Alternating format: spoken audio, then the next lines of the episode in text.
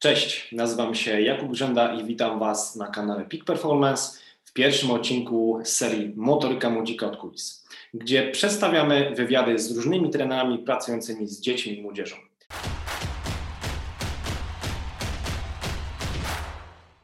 Moim pierwszym gościem jest Konrad. Konrad, przedstaw się. Cześć, y, ja nazywam się Konrad Szykocki E, i jestem trenerem e, przygotowania motorycznego w Związku Piłki Ręcznej w Polsce. Oprócz e, pracy w związku też pracujesz w klubie. Tak, no póki co nazwałbym to bardziej konsultowaniem przygotowania motorycznego w dwóch klubach Superligi. Klub żeński z Pietrzkowa Trybunalskiego i, i MMT z Kwidzyn, męski klub.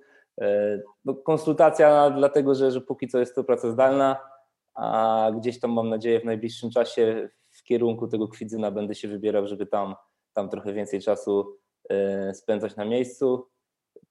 No i tyle, jeśli chodzi o kluby.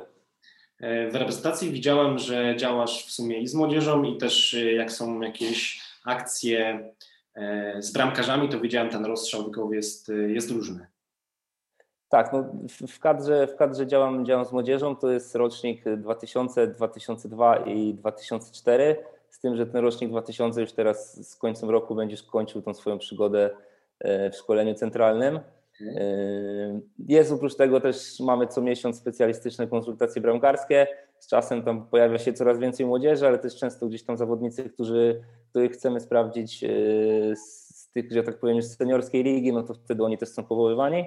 No i oprócz tego zajmuję się koordynacją, tak jakby też przygotowaniem motorycznym w szkołach mistrzostwa sportowego do, do, do maja 2021 y, roku są to jeszcze cztery szkoły i od, od, następnego roku szkolnego to już będą trzy szkoły mistrzostwa sportowego. Okej, okay. i tam jaki jest rozstrzał e, wiekowy zawodników? No to, jest to, to jest tak jak, tak jak e, teraz w liceum, e, czyli mamy, mamy zawodników, zaczynając od teraz klasy maturalnej, czyli 2002 rocznik, no i najmłodszy teraz rocznik naborowy 2005, który zaczął we wrześniu. Okej. Okay. E, chciałem, żebyś zdradził mi, naszym widzom, e, jak wygląda Twoja praca w reprezentacji, na czym się skupiasz podczas e, zgrupowań? Jak wygląda moja praca w reprezentacji? No przede wszystkim to są trzy reprezentacje więc, więc tej pracy jest dużo i, i, dużo jeżdżenia, że tak powiem, po Polsce, nawet w jakichś egzotycznych miejscach w Polsce na zgrupowania. E, jeśli chodzi ogólnie o tą pracę, to ona opiera się o taki ogólny plan przygotowania motorycznego, który tworzymy dla, e, dla, dla szkolenia centralnego. Ja współpracuję z Łukaszem Wichą, który jest trenerem motoryki w pierwszej reprezentacji piłki ręcznej i z Patrykiem Romblem, który tam jest głównym trenerem e, tej pierwszej kadry. On też koordynuje te wszystkie rzeczy związane z piłką ręczną. No więc my we współpracy w trójkę przygotowujemy plan taki ogólny rozwoju, plan przygotowania motorycznego na, na, na każde lata y, dla tych szkół mistrzostwa sportowego i ta praca moja w reprezentacjach jest oparta głównie, głównie na tym, co, co my zakładamy, co planujemy, y, jeśli chodzi o te szkoły mistrzostwa sportowego. Czyli, czyli mamy takie jedno szkolenie centralne i staramy się ten system wdrażamy do, do szkół i na tym opieramy później pracę w reprezentacji. Okej. Okay. No, a powiedz mi przykładowe zgrupowanie. Jak wygląda Twój dzień e, pracy? Czy, czy masz, tak powiem, każdego dnia jakąś jednostkę? E, czy, czy parę razy w trakcie całego zgrupowania? Jak to wygląda? No, jeśli chodzi o zgrupowanie, no to zaczynając od tego, że jestem od, współodpowiedzialny z trenerami za zaplanowanie tego, jak to zgrupowanie będzie wyglądało i też za zaplanowanie tego, kiedy ono się, się odbędzie w ciągu roku. Yy, no, później po, po, że tak powiem, takie proste rzeczy jak, jak, jak rozgrzewki w każdej jednostce treningowej, tak naprawdę ja na ten czas nie mogę narzekać, bo, bo od, od 15 do 30 minut yy, w każdej jednostce piłki ręcznej mam, mam dla siebie. Yy, no, oprócz tego jednostki siłowe, oprócz tego jednostki poruszania się, plus zaplanowanie oczywiście tych zadań, jeśli chodzi o systemy energetyczne, gdzieś tam, gdzieś tam w niektórych elementach piłki ręcznej, no bo no nie będę tutaj opowiadał, że robimy jakieś niestworzone rzeczy, tych rzeczy, że tak powiem, zaplanowanych, tak e, jeśli chodzi o tą energetykę, e, to, to po prostu jest, jest trochę. E, no i też oczywiście jednostki regeneracji, no i, no i to, co ostatnio jest na topie, że tak powiem, to jednostki hotelowe i czas, kiedy musimy przyjechać, zrobić badania i, i dwa, trzy dni siedzieć w hotelu, no to wtedy, wtedy gdzieś tam jakieś rzeczy z tym związane. No plus oczywiście monitoring, testy. No my też teraz te testy wprowadzamy w tych szkołach mistrzostwa sportowego, ale też gdzieś one dalej na tych zgrupowaniach naszych kadrowych się odbywają. Okay, przyczepię się tutaj głębiej E, trzech tematów. Pierwszy, tak jak powiedziałeś, że masz te 30 minut, to jest e, taki komfort, bo często w innych dyscyplinach e, trenerzy pracujący z młodzieżą też nie mają takiego komfortu, mają 15, 15 minut i pewnie tak jak ty, jeżdżąc na szkolenia, często pokazywały się jednostki motoryczne, które trwają tam, nie wiem, 45 minut, czy rozgrzewki trwają 30 i nagle się okazuje, że w drużynie masz 15 minut i musisz zrobić wszystko i to też jest na pewno, na pewno wzwanie dla, dla takiego trenera, więc w sumie fajnie, że, że taki czas masz, no bo to też jest sztuka, żeby w tak, w tak małym przedziale czasowym wszystko zrobić. Tak, no oczywiście. No, zdarza się też, no, nie ukrywam, że, że są takie sytuacje, gdzie trenerzy no, z racji tego, że na przykład dzień wcześniej na treningu zawodnicy nie do końca robili to, to co mieli robić i, i, i na przykład do pokazania na wideo jest super dużo rzeczy. E, mamy gdzieś tam, mamy też takie e, spotkania wideo przed treningami, jeśli chodzi o piłkę ręczną, więc no, jeśli tych rzeczy do pokazania z poprzedniego dnia jest dużo i później się, co za tym idzie, do zrealizowania na treningu piłki ręcznej też jest tych rzeczy dużo, no to ja tam gdzieś na przykład y, mam 15 minut, nie? ale to są jakieś tam wyjątkowe sytuacje, e, a co jeszcze ważne, mamy też u nas y, w kadrach taki system, że zawodnicy są, jakby to powiedzieć, zobowiązani do tego, że mają takie movement prep 15-minutowe przed treningiem i oni zawsze 15 minut przed treningiem muszą już być gotowi, już po wizycie u fizjo i wtedy mają zadania indywidualne, ewentualnie tam gdzieś pracują ze mną czy z fizjoterapeutą. Super. Więc to też daje dodatkowe, dodatkowe jeszcze to, że tak naprawdę jakbym, jak chcę, to mogę tą jednostkę, tą rozgrzewkę sobie po prostu wprowadzić w to 15 minut przed treningiem, zrobić 15 minut w trakcie treningu i mam pół godziny. Jak, jak potrzebuję więcej w treningu, to oni 15 minut przygotowują się indywidualnie, a ja mam 30 minut dalej dla siebie, więc tam można nawet jakieś gry zabawy i tak dalej, na to wszystko jest czas, nie? więc duży komfort pracy na pewno. Super, czyli rozumiem, że wcześniej przygotowałeś e, ten movement, movement prep, jak oni mają to robić, pokazałeś i oni gdzieś tam według tego schematu działają, tak? Tak, dokładnie. To wygląda w ten sposób, że albo zawodnicy, którzy gdzieś tam już mają jakieś historie z urazami oni mają zadania od fizjoterapeutów, czy gdzieś tam od fizjoterapeutów z tych swoich szkół mistrzostwa sportowego, bo, bo większość tych zawodników to jednak jest z SMS-ów. E, ewentualnie zadania takie, które mają już rozpisane, przygotowane, jak ma to wyglądać, wtedy wszyscy robią to samo. Przeważnie to przeplatamy tak jednego dnia, oni robią swoje rzeczy, które mają indywidualne, w oparciu też o jakieś tam oceny funkcjonalne i tak dalej, które robimy. E, a jednego dnia na przykład robimy wspólnie, gdzieś tam wszyscy to samo rozpisane, po prostu rozpisane przygotowanie ruchowe przed treningiem. Okay. Powiedz mi, mówiłeś o testowaniu i że wdrażasz to, to w SMS-ach. Może zdradzisz mi parę przykładowych testów, które, które wykorzystujesz, bo też e, widziałem, e, zresztą to rozmawialiśmy przed, przed wywiadem, o jednym z filmików na Twoim koncie na Instagramie, gdzie testowałeś zawodników w 2004 w przysiadzie i e, filmik rodem ze Stanów Zjednoczonych, z futbola amerykańskiego, tak. się dopingują, wszyscy gdzieś tam motywują tego zawodnika. Powiedz mi, jakie wykonujesz testy też i druga rzecz, jak udało Ci się osiągnąć taki, e, taką zgraną drużynę, gdzie faktycznie jest ten e, duch sportowy, każdy, każdy siebie motywuje, bo to też jest e, bardzo ważne i ciekawe dla mnie, jak Ty to osiągnąłeś, jak przekonać do tego zawodników. Więc jeśli mogę zacząć od tego ostatniego, Y, to wynika też z tego, że większość tych zawodników jest właśnie tak jak, tak jak my, my to wprowadzamy, żeby ta kadra, kadra, kadry młodzieżowe opierały się na zawodnikach ze szkół mistrzostwa sportowego i to są zawodnicy, którzy no już się znają i oni nie są ze sobą tylko na zgrupowaniach. Więc oni tą pracę, pracę zadaną przeze mnie czy przez Łukasza yy, wykonują u siebie w SMS-ach, oni już wiedzą po co to robią E, a jeśli chodzi o ten, o ten aspekt mentalny, no to wydaje mi się, że to wynika z tego, jak, jak my przeprowadzamy tą jednostkę siłową. E, to, że oprócz tego, że ja ich motywuję, to też trenerzy piłki ręcznej, którzy są na tym treningu siłowym, też często też potrafią ich zmotywować. Oni to widzą. No i wydaje mi się, że to jest dużo tego, że, że ja trochę, jeśli chodzi o trenera przygotowania motorycznego w tych kadrach jestem pomostem między fizjoterapeutą a, a trenerem głównym i to wynika bardziej z też takich rzeczy technicznych i czysto z tego, jaką wykonuje pracę, ale też pod kątem psychologicznym też jestem w tym samym miejscu. Nie? Jest fizjoterapeuta, u którego oni, no wiadomo, ci najmłodsi jeszcze nie leżą tam całymi dniami fizjoterapeuty, to raczej seniorzy, ale, ale leżą i oni u fizjoterapeuty będą trochę narzekać, że był ciężki trening, że tu są zmęczeni, że tu trener coś tam krzyknął i tak dalej. No, jeśli chodzi o trenerów piłki ręcznej, no to jest mocny respekt i oni tam raczej sztywno wykonują zadania i tak dalej. Wiadomo, że mają dobre relacje, ale, ale naprawdę takie zawodowe. No jeśli chodzi o mnie, no to jestem gdzieś tam pomiędzy, takim dobrym wujkiem, można to powiedzieć. No mam z nimi dobry kontakt, z tą kadrą 2002, no z niektórymi, no nie powiem, że jak z kolegami, ale naprawdę tam o różnych rzeczach sobie możemy porozmawiać. No i to też, to też później przynosi efekt e, na tych treningach i no, wygląda to tak jak powiedziałeś, amerykański klimat, to dlatego to też się znalazło na Instagramie e, i, i, i no, staram, staram się tak, tak pracować, żeby te po prostu rzeczy, które robią mm, ze mną, żeby te, te, te tematy motoryki po prostu sprawiały im mega radość, mega zajawkę i no i tak jest, no, na całe szczęście póki co mi się to udaje. Bo widziałem ten filmik, który chyba wcześniej był z kadry z rocznika 2.4, nie? Nie wiem, czy dobrze. Tak, tak, tak, tak. 2004 rocznik mieliśmy takie zgrupowanie w Cetniewie na, na 170 zawodników i, i, tam testowaliśmy większość grup, oprócz tych oczywiście naborowych, no bo, no bo z nimi nie robiliśmy testu na przysiad, yy, więc yy, no, no, więc tak, więc, więc to, to byli...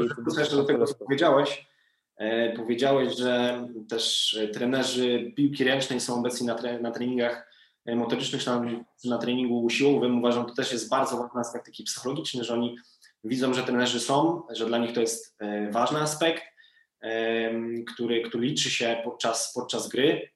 No i też, też jest jakiś tam reżim, że oni wiedzą, że, że trener patrzy, ich ocenia, później też bierze to pod uwagę.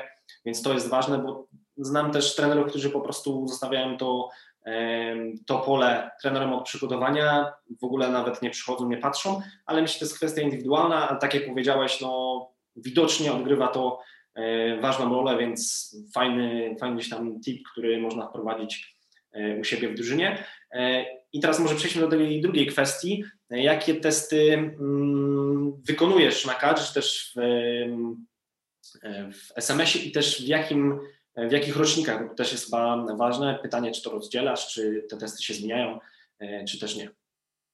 Okej, okay, więc y, mamy przyjęty system, y, w, którym, w którym chcemy, chcemy testować zawodników, że tak powiem, centralnie trzy razy, y, trzy razy w roku. I to są testy, które przeprowadzamy z pomocą firmy zewnętrznej u nas w związku.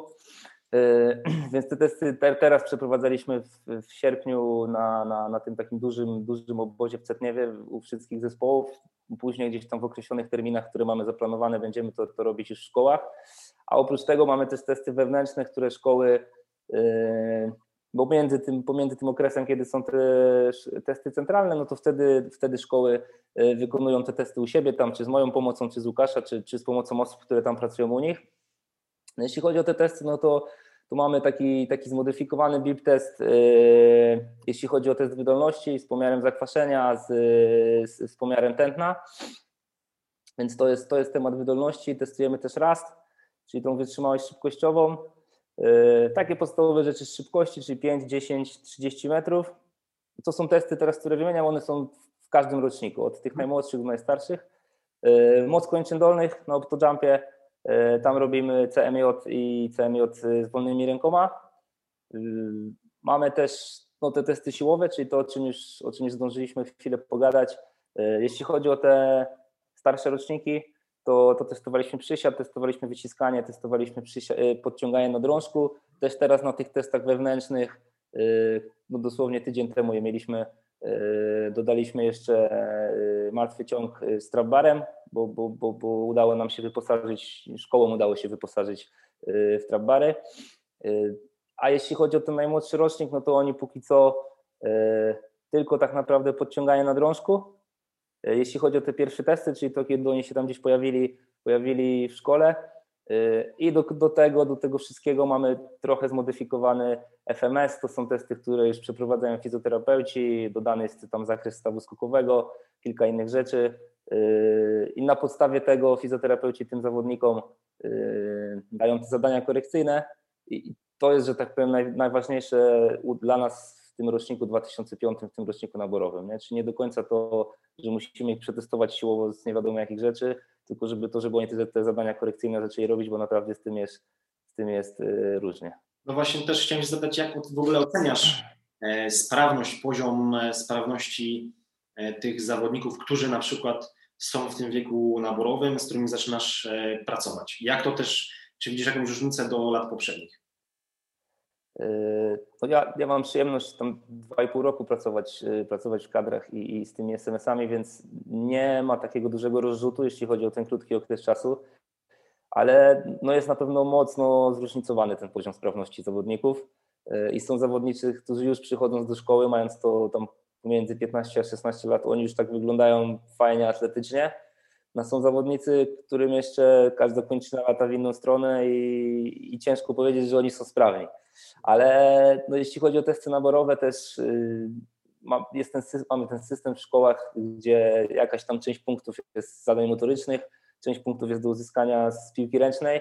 Bo nie ukrywam, że tego materiału nie ma tyle, żeby, żebyśmy mogli sobie pozwolić na to, że bierzemy najlepszych motorycznie i, i oni, się, oni, się, oni są i tak dobrzy w piłce, w piłkę ręczną. Nie? Więc po prostu zasada raczej jest taka, że bierzemy po prostu szkoły, że tak powiem, w naborze, wybierają zawodników, którzy po prostu najlepiej spisują się w zadaniach z piłki ręcznej, co też nie znaczy, że to są zawodnicy, którzy na, na, na gierce, na przykład na testach zrzucą 10-11 bramek, tylko zawodnicy, którzy mają już jakieś tam spojrzenie na pole gry i, i wiedzą, że, że to jest gra zespołowa, a nie indywidualna.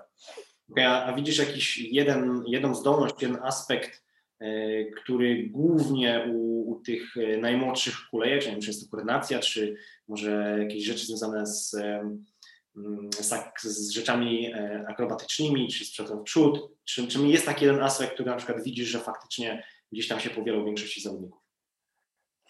To takie, takie e, modne może być, że powiem, że stabilizacja centralna, ale, ale ogólnie chodzi, chodzi, to jest połączone, tak jak powiedziałeś, z koordynacją i ogólnie ze świadomością własnego ciała. I, I to jest, uważam, to też przekłada się później na technikę biegu, na technikę poruszania, wiadomo, ale to jest, to jest takie, najbardziej daje obraz tego, jak ci zawodnicy wyglądają, bo są zawodnicy, którzy naprawdę nie mają problemu z, mobilności, z mobilnością, oni są całkiem eksplozywni, nawet jak na swój wiek i tak dalej, ale, ale no, ten, ten problem koordynacji, ten problem tego czucia własnego ciała i odnalezienia się w przestrzeni no, przykłada się na wszystko, co nie robią później od siłowni, przez bieganie, przez, przez później piłkę ręczną. No i, i wiesz, no, wiadomo, że to jest praca, zaczynamy z rocznikiem 2005, my tych, w tych jednostkach uczymy wszystkich rzeczy, jeśli chodzi o pracę korpusu, pompki i tak dalej. Nawet ktoś jest w stanie zrobić 30 pompek, ale on nie jest w stanie przy tym w żaden sposób utrzymać dobrej linii tułowia i dobrego napięcia, a ręce podają, nie? 30 powtórzeń, a, a jednak gdzieś tam on tego ciała swojego nie czuje. Więc to jest myślę taki, taki spory problem.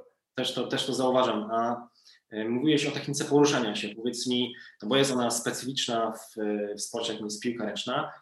I czy ty kształtujesz ją z zawodnikami w formach wyizolowanych, jak na przykład w, według jakiejś koncepcji Exos, gdzie to się po prostu oddziela, czy wplatasz to w rozgrzewkę, czy może w jakieś zadania bardziej złożone, e, jak to wygląda? Y, no to może nawiązując do tego, jak, jak, jak wygląda u nas mikrocykl e, w Szkole Mistrzostwa Sportowego, to ten trening poruszania się jest formą po części wyizolowaną, jest on połączony z piłką ręczną, ale więcej, więcej czasu zajmuje zdecydowanie jednostka poruszania. Ona jest w pewien sposób oparta powiedzmy na tej, na tej y, systematyce Exosa, że tak powiem. W ten, w ten sposób jest zaplanowana ta jednostka. Też, też jeśli chodzi o to poruszanie, to, to, to dodajemy y, elementy też pracy, pracy na czas, gdzieś tam poruszanie na pozycjach, to są takie bardziej rzeczy, y, jeśli chodzi o kondycję, ale w specyfice już poruszania z piłki ręcznej. A jeśli chodzi o wykorzystanie tych rzeczy po prostu w treningach, no to ja, ja w pracy na zgrupowaniach y, na tym opieram tak jakby swoje jednostki.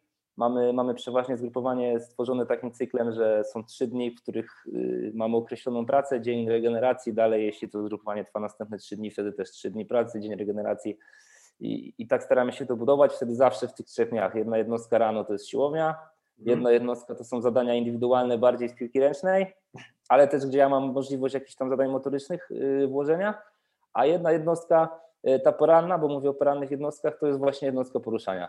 I ja wtedy mam dla siebie nawet godzinę 15, gdzie mogę na spokojnie zrobić rozgrzewkę, wszystkie ćwiczenia, wall drille, poruszanie z gumami, czy jakieś tam zadania takie specyficzne, gdzieś tam z jakimiś elementami wzroku, koordynacji, czasem reakcji, obciążeniem zewnętrznym, to, to mogę sobie wykorzystać. No i oni później dosłownie 20-25 minut do 30 mają jeszcze jakieś tam zadania związane z piłką ręczną. No i tym się, tym się kierujemy tej pracy, jeśli chodzi o, ja się tym kieruję, jeśli chodzi o to poruszanie. Y, to jest też oparte o to, co robimy po południu. Jeśli na popołudniowym treningu mamy trening obrony, a przeważnie to jest systematycznie, gdzieś tam się powtarza ten blok trzydniowy, no to wtedy rano ja w poruszaniu więcej rzeczy, jeśli chodzi o poruszanie w obronie. Y, jeśli mamy po południu trzeciego dnia trening ataku szybkiego, no to rano oprócz tego, że zawodnicy mają zadania indywidualne, no to w rozgrzewce jest gdzieś tam też y, przyspieszenie, technika przyspieszenia takie rzeczy, oczywiście one też w popołudniowym treningu. Co później będzie w treningu stricte techniczno-taktycznym. Tak, się... dokładnie. No, też, te same rzeczy też później występują już w treningu popołudniowym, też, też je prowadzę, ale no są bardziej, bardziej specyficzne po prostu w rozgrzewce, gdzieś też w jakichś zabawach, grach, czy gdzieś już w poruszaniu z piłką, to przyspieszenie sobie też prowadzam. Okej, okay, mówiliśmy, mówiłeś o mikrocyklu, o dniach też regeneracji. Jest to ważna kwestia tak naprawdę dla każdego sportowca, więc y, może zdradzisz, jak ty do tej regeneracji podchodzisz, e, jakie metody stosujesz, co wykorzystujesz, e, powiedz jak to, jak to wygląda. Mógłbym tutaj y, dwa, tak jakby dwie jednostki osobne wyznaczyć, jeśli chodzi o tą regenerację. Pierwsza to taka właśnie, którą, mm, którą teraz przed chwilą mówiłem w temacie budowania tego mikrocyklu na zgrupowaniu no to mamy trzy dni gdzieś tam, gdzie, gdzie pracujemy i ten, ten jeden dzień to jest właśnie poświęcony na jednostkę regeneracji, ewentualnie jakąś jednostkę taktyczną naprawdę na takiej super niskiej intensywności. Ale ta regeneracja wtedy no, po prostu polega na tym, że, że my pracujemy sobie 20-25 minut y, w pracy tlenowej, przeważnie to są jakieś rowerki, ewentualnie, ewentualnie trucht, to zależy też od pogody, od, od logistyki. Y, dalej 15 15 minut y, to jest forma rolowania, 15 minut różne formy rozciągania, przeważnie prowadzę to ja lub łączymy się z fizjoterapeutą zadaniami i do tego też często wrzucamy jakieś formy oddychania. To widziałem właśnie na Twoim Instagramie, co też jest ważną kwestią, często w ogóle pomijaną pracy, w pracy ze sportowcami, a widzę, że Ty jednak przykładasz do tego mocną uwagę. No tak, tak staramy się to, staram się to, się to wykorzystywać. Y, tak naprawdę w tych elementach po treningu, czyli gdzieś tam, gdzieś tam mamy kilka minut na jakieś roztruchtanie i, i, i stretching, to wtedy, wtedy to oddychanie fajnie się sprawdza. Y, wykorzystujemy to, to, to właśnie w tej jednostce regeneracji, gdzieś tam rolowanie, stretching, oddychanie. A, a druga rzecz z tych, z tych dwóch, y, na które to rozdzieliłem, to, to sposób regeneracji, który, który stosujemy po meczach, bo też no, na tych zgrupowaniach często, y, często gramy mecze, to jest wtedy już bardzo mocno y, uwarunkowane od, od logistyki, mhm. y, ale najczęściej wygląda to właśnie w ten sposób, że my kończąc mecz, no, mam taki komfort pracy, że nie ma rzeczy typu trener przychodzi, nawet po przegranym meczu mówi nie, panowie do szatni, bo najpierw trzeba tam porozmawiać, tylko Konrad, ile potrzebujesz, za ile się widzimy i tak dalej, nie? Więc zdejmujemy buty, mamy jakieś 5-6 minut truchtu, Później właśnie podchodzimy sobie do ściany, robimy oddychanie gdzieś tam w, tym ułożeniu 90-90, leżenie przy ścianie. Yy, takie proste rzeczy, nie wiem, 4 sekundy wdech, 4 sekundy zatrzymanie powietrza, 4 sekundy wydech, 4 sekundy zatrzymanie. Kilka minut w ten sposób pracujemy, rozluźniamy się. Yy, później stretching, delikatny też raczej w jakimś dynamicznym ustawieniu, gdzieś tam jakieś ćwiczenia jeszcze w ruchu. No i później idziemy, idziemy do szatni, tam mamy przeważnie, przeważnie jeszcze beczki z lodem, no i po tym dopiero zawodnicy gdzieś tam są do dyspozycji trenera i wtedy trener podsumowuje mecz i, i w ten sposób to wygląda. Często też po prostu no, musimy zmieniać trochę e, ze względów logistycznych, na przykład prosto z boiska możemy zejść e, do szatni do lodu, e, bo jeśli mamy ten lód już przygotowany, żeby to, to tam utrzymać temperaturę, to schodzimy na przykład prosto do, do lodu, dopiero później wracamy sobie jeszcze na bosaka na halę, tam robimy wytruchtanie, wtedy oddychanie, rozciąganie w ten sposób często właśnie co mówisz, że nie ma dostępu do wody, bo lód też kosztuje, ale my też kiedyś prowadziliśmy taką e, rzecz e, w Lechu, że praktycznie nie było lodu, no to wystarczy siatka zalać wodą i włożyć do zamrażarki, więc to też jest darmowy sposób, który jest bardzo prosty, a no jak się nie ma wanny, no to wystarczy kupić jakiś kubeł na śmieci, który dostaniemy, dostaniemy w Leroy Merlin za jakieś tam, nie wiem, przykładowe 50 zł, czy nawet, czy nawet stówkę, dwa kubły, siatka, woda i tak naprawdę możemy sobie z tą regeneracją poradzić, nie? To dokładnie, to w ten sposób. No my tak to rozwiązujemy. Ja jeszcze jak tam grałem kilka lat temu, to w ten sposób to rozwiązywaliśmy. Yy, I teraz, teraz też jak robimy tak to w SMS-ach, no wystarczy, tak jak powiedziałeś, stówka, może nawet gdzieś tam 200, jak chcesz mieć jakiś super duży pojemnik, kranik, który wbijasz gdzieś tam na dole, żeby łatwo było z tego spuścić wodę i czy butelki puste po treningu, zalane wodą, wsadzane do zamrażarki, czy właśnie jakieś tam, tam siatki, Y, wiadomo, no można kupić kostkarkę, a można kupić używaną starą zamrażarkę i tam trzymać te butelki, to jeszcze jest nisko kosztowo wtedy, a, a bez problemu do zorganizowania, wiesz, no mamy zgrupowanie w, w COS-ach, no to przeważnie jest kostkarka, mamy możliwość skorzystania z takich beczek, nie? No ale jak gramy mecz gdzieś tam na jakiejś hali, no jakieś egzotyczne miejsca w Polsce, na jakiś biskupiec gdzieś tam na, na północnym wschodzie, czy, czy jakieś Gryfino ostatnio, no to wtedy gdzieś tam jeszcze jakoś musimy sobie radzić. No nie jesteśmy też pierwszą reprezentacją, no bo w pierwszej reprezentacji też budżet jest większy, tam jak jest potrzebny lód, no to przyjeżdża lód w kartonach i na każdy trening i, i beczki przyjeżdżają, także, także no radzimy sobie, ale nie narzekam, bo naprawdę często to wszystko da się po prostu zorganizować. Jasne. I z tymi dwoma aspektami, czyli poruszaniem się regeneracją, związany jest prezent, który Konrad y, przygotował dla, dla Was i znajdziecie go właśnie pod tym, e, pod tym wideo. A to co, to, co jeszcze e, mówiłeś, czyli czasami mm, wiele rzeczy jest uzależnionych od e, możliwości organizacyjnych. Tak jak ja ty i, wielu trenerów spotyka się z tym bardzo często. Powiedz mi, mm, jak starasz sobie radzić w momencie, kiedy na przykład masz mało czasu, a musisz zrealizować jakiś akcent motoryczny, lub masz mało sprzętu i, i masz, nie wiem, 25 zawodników, jak układasz sobie ten, ten trening, czy siłowy, czy e, związany z jakąś inną zdolnością? Więc tak, no jeśli chodzi o, o ten powiedzmy aspekt czasowy, no to zdarza się to na przykład w sytuacji, kiedy, tak jak tam wcześniej wspominałem, mamy to, zawsze to wideo zaplanowane przed, przed treningami piłki ręcznej. No i często jest tak, że wiesz, ci trenerzy chcą zawodnikom dużo przekazać. Yy, okazuje się, że ten czas, który oni sobie zaplanowali, im nie wystarcza. No oni na przykład schodzą na trening gdzieś tam, może nie spóźnieni, ale no nie mają tego 15 minut na przygotowanie, które mieli mieć przed treningiem, nie? Więc to jest tak naprawdę, to jest jedna sytuacja, gdzie tego czasu mam trochę mniej, ale też przeważnie wtedy ja go dostaję później po prostu trochę więcej w treningu.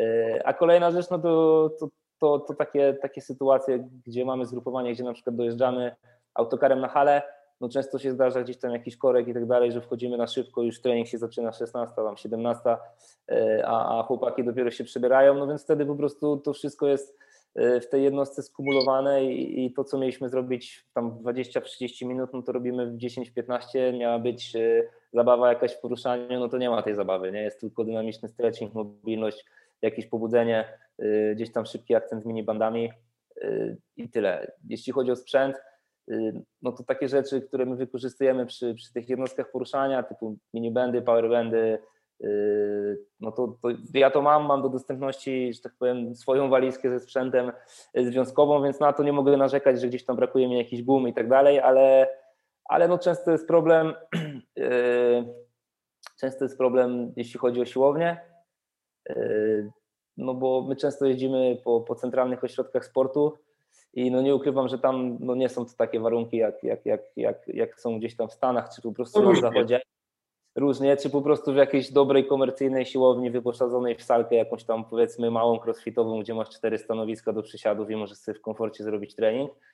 Yy, no więc staram się, staram się zawsze dzień przed, yy, jak wiem, że jestem w COSie, to, to jeszcze się upewnić, że na tej siłowni wszystko co mam zaplanowane, yy, to będę mógł wykorzystać. Udaje się często też w tych COSach zrobić jednostkę dla 22 osób nie dzieląc ich na grupy w sensie czasowo, tylko przychodzi 22 na jedną godzinę, wtedy yy, no, dla mnie też ta organizacja pracy jest ważna. Jeśli chodzi o siłownię, ja wcześniej sobie staram się planować, jak to będzie wyglądało. Lubię taki system pracy, gdzie no powiedzmy mamy pierwszy blok, pierwszy blok w planie treningowym, w którym jest przysiad, no to lubię mieć podzielonych, podzieloną drużynę na cztery grupy. Yy, pierwszy z grupy staje sobie przy raku, ja daję sygnał, że zaczynamy pierwszą serię, oni robią powtórzenia, kończy, wchodzi następny, zaczynamy, ja trzymam czas wtedy wszystko mam przypilnowane, widzę czterech zawodników jednocześnie i to jest dla mnie, że tak powiem, ważny temat, jeśli chodzi o organizację pracy, ale no nieczęsto tak się da zorganizować. Nie? Na, tak, to też na, pewno, na pewno też ułatwia e, wydawanie jakichś tam wskazówek. No, jeśli widzisz czterech zawodników na raz, jadą w tym samym tempie, no też jest zdecydowanie łatwiej kontrolować e, tempo i technikę wykonania. Nie? Tak, dokładnie, bo no, masz czterech zawodników, wiadomo, że ci, tych czterech skończą, oni za chwilę muszą zrobić jakieś ćwiczenia akcesoryjne, czy jakieś tam ćwiczenie mocy, y, ale no masz tych czterech i dając wskazówkę głośną jednemu, y, pozostali, jeśli ten sam błąd gdzieś tam mają i widzisz, że mają, no to wystarczy, że powiesz jednemu albo przypomnieć czterem głośno, wyraźnie, co mają poprawić. Y, też ten aspekt motywacji wtedy spoko, no bo jednak gdzieś tam zdarza się, że robimy faktycznie ciężkie rzeczy, gdzie trzeba tą prędkość osiągnąć wysoką, a gdzieś teraz też eksperymentuję z tym VBT, więc, e, więc to dodaje dodatkowy tam aspekt motywacyjny dla nich e, i, i naprawdę, naprawdę to, jeśli chodzi o tą kulturę pracy i o tą organizację, to to jest dla mnie ważne i to się dobrze sprawdza, nie? Że, że oni gdzieś tam sobie nie chodzą, nie, nie robią różnych ćwiczeń, nie są podzieleni na grupy, tylko wszyscy raczej to samo wiadomo, no są sytuacje, gdzie mamy tylko dwie ławki, więc zrobimy na przykład blok A, dwie grupy zrobią blok A, dwie grupy zrobią blok, blok B, gdzie jest wyciskanie, ale dalej to wszystko jest na, na moją komendę, że zaczynamy serię, że, że czekamy przerwę, że,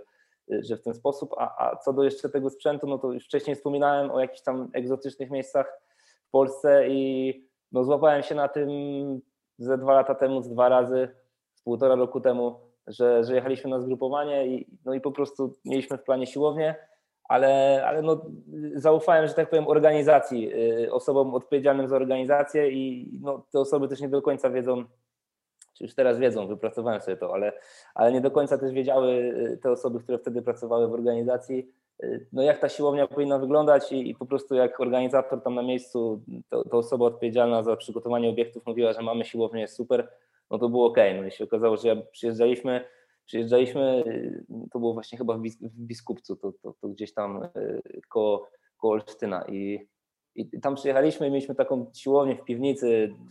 Mam chyba nawet, mam jakieś chyba nawet wideo na, na, na, na Instagramie z tego, że takie mega stare sztangi tam rozpadające się, no może w 5-6 osób by się dało zrobić trening, nie? No i my co, podzieliliśmy się na grupy, tam, tam, tam jedną jednostkę przeprowadziliśmy, bo to było już, już pierwszego dnia zgrupowania, mieliśmy siłownię ale no później gdzieś tam sam posprawdzałem, jakie tam są miejsca i no okazało się, że w jakiejś małej wiosce na północnym wschodzie Polski jakiś facet ma yy, praktycznie garaż, taki wielki tam hangar, yy, namiot postawiony do crossfitu. Nie? No i telefon się udało załatwić i dwa dni później na siłowni już byliśmy dużą grupą w jednym miejscu i teraz po prostu, jeśli się trafia takie egzotyczne miejsce gdzieś tam poza centralnym ośrodkiem sportu, no to ja już sam wyszukuję, gdzie tam najlepiej yy, być na siłowni i wtedy, wtedy sobie też na miejscu później wcześniej tam jadę, patrzę, co, co możemy no, Nawet jak mówisz, że, że trafiłeś do takich później z zawodnikami, no to dało się przeprowadzić, no dało się. Kwestia tak naprawdę dało się. dobrej organizacji, podzielenia tego na grupy i, i wszystko się da. Kwestia tak naprawdę chęci i tej dobrej organizacji, nie? Tak, dokładnie. No, wiesz, w COS-ach też jest często tak, że yy, wszystko fajnie można sobie zaplanować i przygotować plan zgrupowania, ale w Centralnym Ośrodku yy, Sportu w Zakopanem dostaniesz maila yy, dwa dni przed zgrupowaniem, że kolacja, którą zaplanowałeś na 20.15, ona się nie może odbyć, bo do 19.30 są tylko wydawane posiłki. No i wtedy zadajesz sobie pytanie, no to jak mam przeprowadzić ten trening y, od 17 do 19.30, skoro musimy zjeść kolację, a wtedy mieliśmy w ogóle, był taki przypadek, że mieliśmy tam trening 18-20, no i w co się nie dostaniesz odpowiedzi, nie ma możliwości za bardzo przesunięcia tego, więc trzeba kombinować. To jest ten aspekt czasowy, jak, jak właśnie to na plan się przykłada. No a kolejna rzecz, no to też gdzieś się zdarza, że no nie zawsze masz te obiekty, yy, które sobie zaplanujesz. Nie? Jak jesteśmy w Cetniewie, tam bo mi się wydaje, że tam mieszkają ciężarowcy ogólnie, nie? Oni tam są zawsze, jak jesteśmy zawsze w Cerniewie, to zawsze są ciężarowcy. Tam jest ta fajna, fajnie przygotowana ta siłownia do podnoszenia ciężarów, gdzie jest tam chyba 12 podestów, sztank, yy, stojaków na ciężary. No i no, zawsze ja chciałbym tam z drużyną, jak jestem, chciałbym pracować tam, no bo jak masz 24 nawet, to jest chyba największa ilość, jaką mamy w, jednym, w jednej drużynie na kadrze, na zgrupowaniu, no to masz 24, no to masz ich w parach na, na podestach, no komfort pracy jest po prostu super, no ale no przez ostatnie półtora roku może raz udało się zrobić siłownię na tej siłowni dla ciężarowców, a tak no musimy się na tej, co jest właśnie na tym amerykańskim wideo, e, na tamtej siłowni sobie radzić, no. Ale da się, da się naprawdę, wszystko da się zrobić, nie, nie, raczej, raczej odradzałbym narzekanie, po prostu trzeba wcześniej sprawdzić, zobaczyć jak się przygotować, podzielić na grupy i, i nawet na jakieś tam dziupli w piwnicy da się zorganizować dobrą jednostkę. Okay. A powiedz mi, co jest dla Ciebie najważniejsze w pracy z młodzieżą? Na czym się skupiasz? Co jest dla Ciebie takim kluczem? Yy, dla mnie na pewno ten aspekt yy, mentalny, hmm. bo no tak jak, tak jak, tak jak pytałeś yy, o ten filmik, no to, to, to tych zawodników trzeba trzeba ich wprowadzić i trzeba sprawić, żeby oni mieli zajawkę do tego treningu motorycznego, no bo na piłkę ręczną mają. Jeśli oni się znaleźli w szkole mistrzostwa sportowego i dostali powołanie do reprezentacji, są na treningu czy gdzieś tam na meczu z orzełkiem na, na piersi, no to oni nie potrzebują już dodatkowej motywacji, jeśli chodzi o piłkę ręczną. Nie? Ale do tej, do tej pracy motorycznej, do, do tych wszystkich rzeczy około treningowych, yy, no trzeba, trzeba ich przekonać i, i zbudować ich świadomość. I moim zdaniem ten dobry kontakt z zawodnikami to, że oni potrafią ci zaufać i, i, odezwać się do ciebie czasami, jak się zapomną gdzieś tam po imieniu i, i, i coś tam, coś tam trenerze, wiesz. I, i, naprawdę, naprawdę wtedy ta dobra relacja gwarantuje to, że oni się fajnie rozwijają. E, co jeszcze jest ważne z nimi, ten, to spojrzenie na, na globalny proces. Na to, jak może nie do końca. Mm, nie do końca to, żeby planować sobie, co będziemy robić za rok, chociaż też, też staram, staram się takie rzeczy, rzeczy brać pod uwagę, ale y, żeby wiedzieć, po co, po co my tu jesteśmy, mhm. żeby oni wiedzieli, gdzie, gdzie chcą być y, za rok, jaką mają imprezę mistrzowską za rok, do czego się przygotowują, y, żeby zbudować ich świadomość, że jeśli oni teraz zrobią to, co robią teraz, a widzą tych swoich kolegów ze starszych reprezentacji, którzy już coraz lepiej grają w piłkę ręczną. Już się zdarza, że na jakimś sparingu tam drużyny z Superligi 18-latkowie grają, nie? E, więc jak oni to widzą, to też mają motywację, a są razem w szkole, jeśli rocznik 2005 jest w 2002 w jednej szkole mistrzostwa sportowego, no to, to widzą, że, że to, co, to, co oni robią teraz, to, to sprawi, że za, za jakiś tam e, czas będą już robić bardziej zaawansowane rzeczy i będą lepiej grać piłkę ręczną, a to jest to, jaki cel, taki mam cel, który ja sobie stawiam jeśli chodzi o tą pracę z młodzieżą, no to ja chciałbym, ludzie, z którymi współpracuję, chcieliby, żeby po prostu jak najwięcej z tych młodych zawodników za jakiś czas y, zasiliło pierwszą reprezentację, mhm. czy, czy gdzieś tam Superligę. No, ja nie ukrywam, że gdzieś tam poziom pierwszej reprezentacji liga hiszpańska, niemiecka, francuska jest raczej takim kierunkiem, gdzie chciałbym, żeby ci zawodnicy kiedyś się znaleźli. Super. No, też do tego tak podchodzę, że trzeba jednak zawodnikom e, mówić, do czego dążymy, jaki jest gdzieś tam e, cel, Myślę, że tym bardziej w, reprezentacji, ja to też widzę u zawodników e, młodych piłki nożnej, jak jadą na kadrę, widzą jak to się robi, dzieje na kadrze, to też później wracając do, do klubu, czy tak jak do SMS-u, też oni są bardziej zmotywowani do takiej pracy motorycznej, bo widzą, że to ma sens, że to jest jednak ważne w tym, w tym e, całym procesie, żeby się rozwijać i, i do, czego, do czegoś dojść.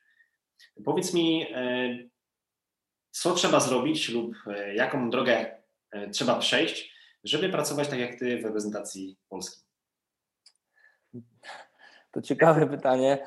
E, na pewno, na pewno coś takiego banalnego, jak, jak po prostu ciężka praca, stały rozwój i, i, i takie rzeczy, ale, ale no jeden z ważniejszych tematów to wydaje mi się, że trzeba się po prostu znaleźć w odpowiednim miejscu, w odpowiednim czasie, trafić na odpowiednie osoby, i żeby dostać pracę, to wydaje mi się, że to jest jeden z ważniejszych elementów. Mi na pewno pomógł mój background, y, jeśli chodzi o piłkę ręczną, no bo byłem zawodnikiem, mam tam jakieś krótkie występy w Superlidze za sobą, także, y, także to na pewno mi pomogło i, i, i myślę, że, że jeśli mamy tą motywację do pracy, jeśli stale się rozwijamy i no nie wiem, jeździmy na szkolenia, poznajemy ludzi, czy ze swojej dyscypliny, czy z innej, to gdzieś w końcu ktoś o tobie będzie pamiętał, że był taki, był taki gość i on miał super wiedzę albo super mówił o tym, o tym, o tym co robi, no to może jego weźmiemy, bo się okazuje, że potrzebujemy kogoś tam tak jak ja byłem do pomocy na początku do pracy przy młodzieżowych reprezentacjach, bo jak zaczynałem, wtedy trenerem motoryki w, w pierwszej kadrze był Łukasz Piwkowski i, i wtedy on, on, on ściągnął mnie tam do pracy z jedną reprezentacją tak naprawdę. To teraz dopiero się rozwinęło przez ostatni rok, że, że, że to już jest więcej reprezentacji szkoły mistrzostwa sportowego i tak dalej. Okay. No to tak jak ja, ja też na początku pomagałem i tak jest faktycznie, że ile, ile damy, tyle później zyskujemy, no bo trzeba się wykazać.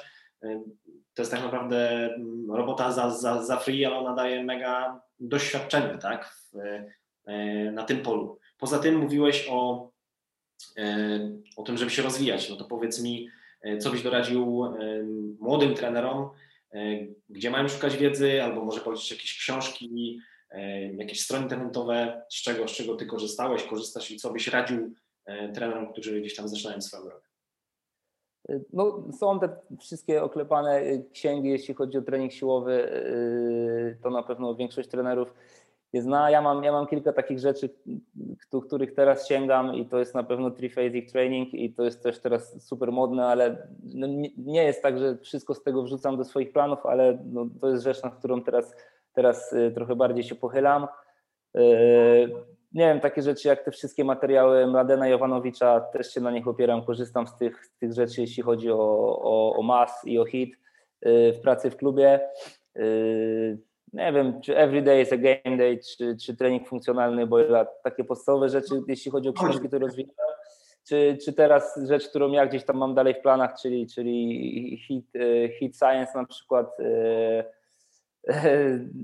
co jeszcze? No jest jeszcze kilka tych rzeczy, które chciałbym, chciałbym e, posiąść, że tak powiem, jeśli chodzi o wiedzę. Jeśli chodzi o książki, nie wiem, czy GameSpeed też, e, klasyk Jana Jeffreysa też spokojnie można tym, tym początkującym, zaczynającym trenerom e, polecić, tym bardziej jeśli chodzi o sporty zespołowe, gdzieś tam o to poruszanie się i, i trening, gdzieś tam szybkości w tej specyfice dyscypliny. Na pewno szkolenia, Y, na pewno konferencje, no z takich szkoleń ostatnio to zdecydowanie no mogę Next Generation Performance polecić, bo, bo byłem dwa razy u Karola i u, i u Tomka Gęborysa i, i, i wydaje mi się, że bardzo naukowy i fajny sposób przekazują tą wiedzę. Y, no też konferencja Polskiego Stowarzyszenia Treningu Motorycznego, inne, inne organizacje, Aha. które też... Powiedz mi taka podstawa, o której Ty zaczynałeś, którą możesz polecić, czy jakiś tam podstawowy kurs na na początek yy, związany właśnie z, z motoryką? Wiesz co, ja zaczynałem yy, w Ceku w Gdyni u Mirka Bawiarza na szkoleniach i tam zrobiłem chyba z pięć szkoleń to na początku mojej pracy yy, i to jest super, świetna, świetny sposób na, na otwarcie, oni też mają tą swoją książkę o motoryce.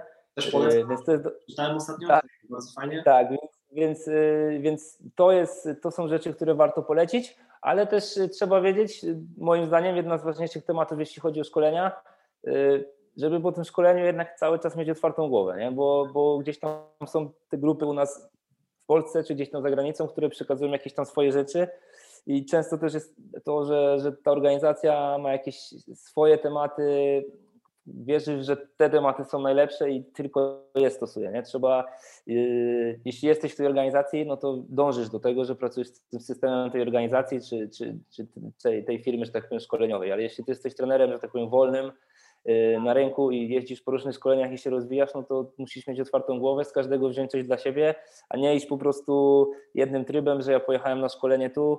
Yy, ja tak miałem trochę na początku, nie? Byłem na tych kilku szkoleniach w cekach i myśl, w ceku i myślałem, że to jest jedyna moja droga nie? na przygotowanie motoryczne przez jakiś rok. W ten sposób. A no, później gdzieś tam jednak w jedne drzwiczki, w drugie drzwiczki UKSCA w bodyworku robiłem i no i to gdzieś tak później spotkania z innymi trenerami i bardziej doświadczonymi, no to dało mi jakiś obraz, że jednak gdzieś tam trzeba szukać jeszcze wiedzy gdzie indziej i, i, warto też spojrzeć na inne rzeczy. Ale zdecydowanie polecam, polecam, polecam te szkolenia i książkę jako, jako tam początek, czy, czy jakieś tam później inne zaawansowane szkolenia, bo takie rzeczy też pewnie chłopaki prowadzą.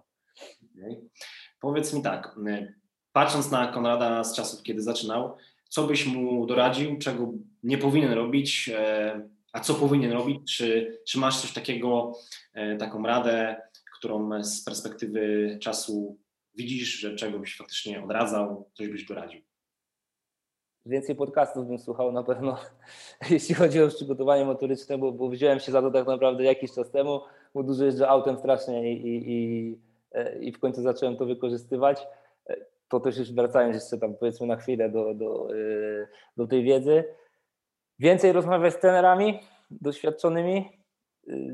Ja też, też miałem na początku to, że gdzieś tam właśnie zacząłem jakieś szkolenia i tak dalej, ale na tych wszystkich konferencjach Yy, no trochę mi brakowało, nie wiem, czy pewności siebie, czy, czy odwagi, żeby gdzieś tam mm, podejść do jakiegoś trenera bardziej doświadczonego, zapytać, zadać pytanie.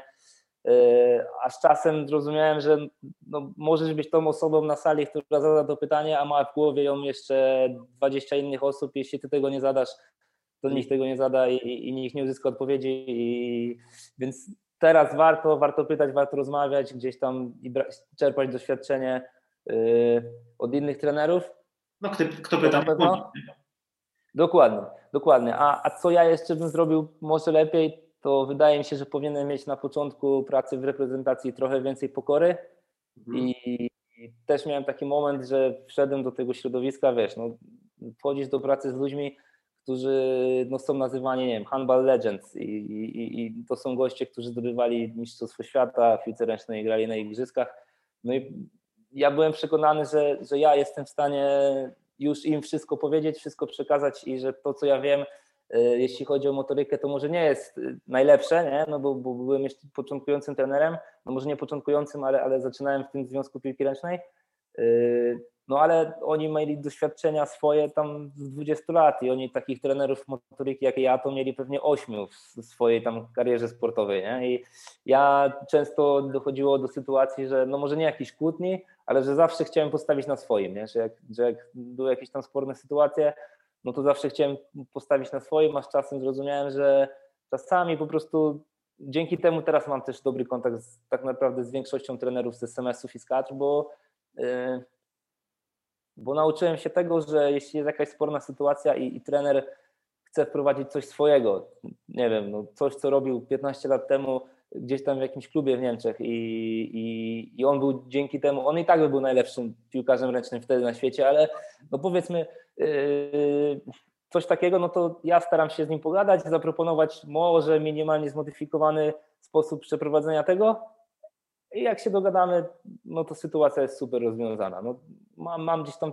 trenerów, którzy, którzy nie wiem, jak robimy jakieś rzuty ciężką piłką, to on chce, żebyśmy rzucali dziewiątką, dziesiątką, ósemką, bo najwięcej, bo najwięcej, nie? Bo, bo wiesz, no wiesz jak jest. Ja jak grałem, to rzucałem dziewiątką. No i ja kiedyś na początku no, gdzieś tam nerwowo reagowałem i starałem się jakoś to, to wytłumaczyć, no, a później po prostu wziąłem pushbenda, y, pokazałem mu rzut piłką tam 9-kilową, rzut piłką 5-kilową, 3-kilową, on zobaczył wyniki i mówi okej, okay, faktycznie, no to robimy tak. No, no i więcej pokory na pewno, nie? I ja też z czasem to złapałem i dzięki temu też y, jestem dalej, mi się wydaje, w, w piłce ręcznej. W kadrach no, przyszła, że tak powiem, zmiana y, trenera głównego, trenera przygotowania motorycznego, Y, też w kilku kadrach młodzieżowych zmienili się trenerzy. Y, swojego czasu zmienił się dyrektor sportowy. No ja tak naprawdę siedziałem, wiesz, na szpilkach i czekałem, aż ktoś do mnie zadzwoni i powie, że no Konrad, y, dziękujemy, nie? No ale z racji tego, że właśnie trochę tej pokory przez rok pracy nabrałem, złapałem dobry kontakt z trenerami, też pomogło mi to, że no jestem ze środowiska piłki ręcznej. No i dzięki temu też nie wiem dlaczego zostałem, nie? pewnie dlatego, że, że ta praca, którą, którą robię, robimy z tymi ludźmi, z którymi współpracuję jest dobra i, i pewnie też dlatego, że, że ten kontakt, tak jak rozmawialiśmy, nie?